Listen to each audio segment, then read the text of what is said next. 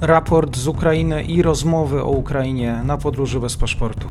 Dzień dobry wszystkim słuchaczom. Dzisiaj kolejny dzień, 78 dzień rosyjskiej inwazji na Ukrainę. Informacje z frontu przedstawi tradycyjnie Michał Marek. Dzień dobry. Dzień dobry, witam serdecznie. Strona rosyjska nadal prowadzi intensywny ostrzał artyleryjski ukraińskiej miejscowości przyfrontowych.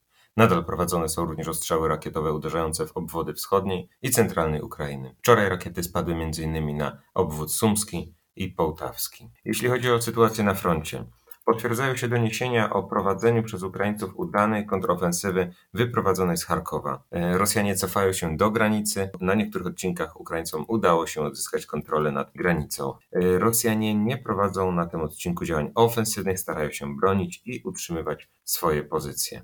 Na wschód od Charkowa, na kierunku wyprowadzonym z Iziumu w stronę południową, e, Rosjanie nadal mają prowadzić e, działania ofensywne, przy czym mają przygotowywać się do potężnego uderzenia właśnie wyprowadzonego z Iziumu. Strona ukraińska ma wzmacniać swoje zdolności defensywne na tym kierunku. Rosjanie mają przygotowywać właśnie bazę zaopatrzeniową potrzebną do uderzenia w kierunku Słowiańska. Dalej na zachód e, miejscowość Lyman, e, tutaj e, wokół niej, to jest na zachód dokładnie od niej, nadal zacięte walki, tutaj Rosjanie nadal starają się wbić klin w ukraińskie pozycje. Nadal kluczowym kierunkiem pozostaje Siewierodonieck i Lisiczańsk. Jak potwierdzają te fotografie, Rosjanom nie udało się uzyskać zdolności do przeprowadzenia dalszej walki po przeprawianiu się przez rzekę Siewierski Doniec. Rosyjski sprzęt oraz Most pontonowy został zniszczony przez ogień ukraińskiej artylerii. Sytuacja jest stabilna, jednakże na tym kierunku Rosjanie nadal się aktywizują, nadal tutaj trwają zacięte walki. Na północ od Doniecka, tu Rosjanie koncentrują się na uderzeniu w stronę Bachmutu, miejscowości, walki trwają w miejscowości takie jak Pierwomajsk, e, Komyszuwacha. Zacięte walki trwają również na kierunku e, Awdijiwki. Na południowym zachodzie zacięte walki mają trwać na kierunku krzyworoskim. Rosjanie mieli się zaktywizować na tym kierunku, aby zbliżyć się do granic obwodu, aby zająć cały, właśnie cały obwód hersoński.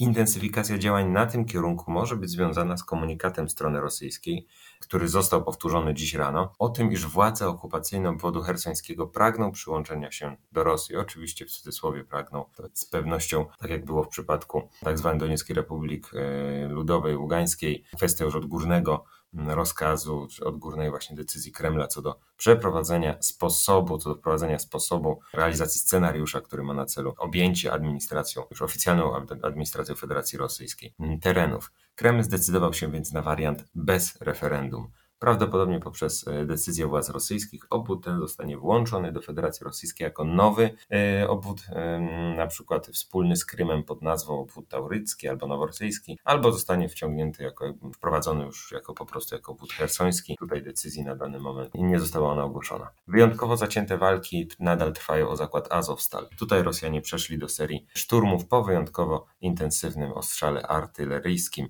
Opór obrońców nie jest jednak złamany. Jeśli chodzi o front wojny informacyjnej, Rosjanie zaktywizowali się na kierunku deprecjonowania obrazu Polski oraz stymulowania e, nienawiści do Polski i Polaków. Rosjanie odświeżyli wątek rzekomych tajnych amerykańskich laboratoriów biochemicznych, których rzekomo na Ukrainie Amerykanie i nie tylko Amerykanie mieli opracowywać broń biochemiczną, która miała być z kolei użyta przeciwko Rosji i miała być testowana na Ukraińcach. W tym kontekście Rosjanie stwierdzili, iż prace nad bronią biochemiczną USA na Ukrainie prowadzone były przy wsparciu Polski. Wątek ten przejawiał się już w ubiegłym miesiącu, jednakże został on ponownie wyeksponowany. W ramach podkreślenia absurdu sytuacji warto zaznaczyć, iż Rosjanie uwiarygadniają przekaz o udziale Polaków, tym iż zgodnie z ich przekazem Polacy mogli się zajmować już tą kwestią w latach 20. XX wieku, gdyż w drugiej RP były prowadzone prace nad bronią biologiczną. Więc jeśli prowadziliśmy w latach 20.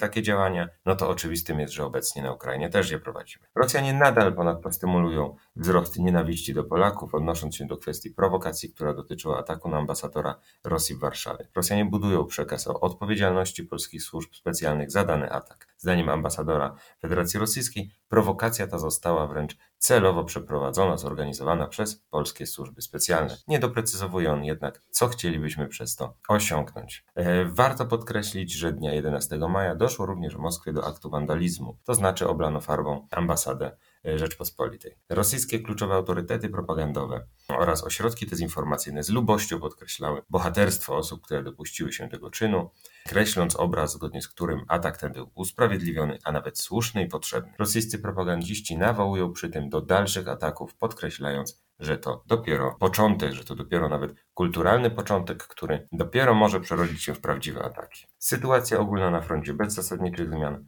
Rosjanie zaktywizowali się jednak na południowym zachodzie, a Ukraińcy osiągają coraz więcej sukcesów na północy. Na wschodzie brak informacji o zasadniczych zmianach, jednakże mm, zgodnie z dzisiejszym komunikatem strony ukraińskiej Rosjanie przechodzą do kolejnej aktywizacji, także dzisiaj zacięte walki na wschodnim odcinku frontu. Podsumowanie Michał Marek, czwartek 12 maja. Bardzo dziękuję. Dziękuję bardzo.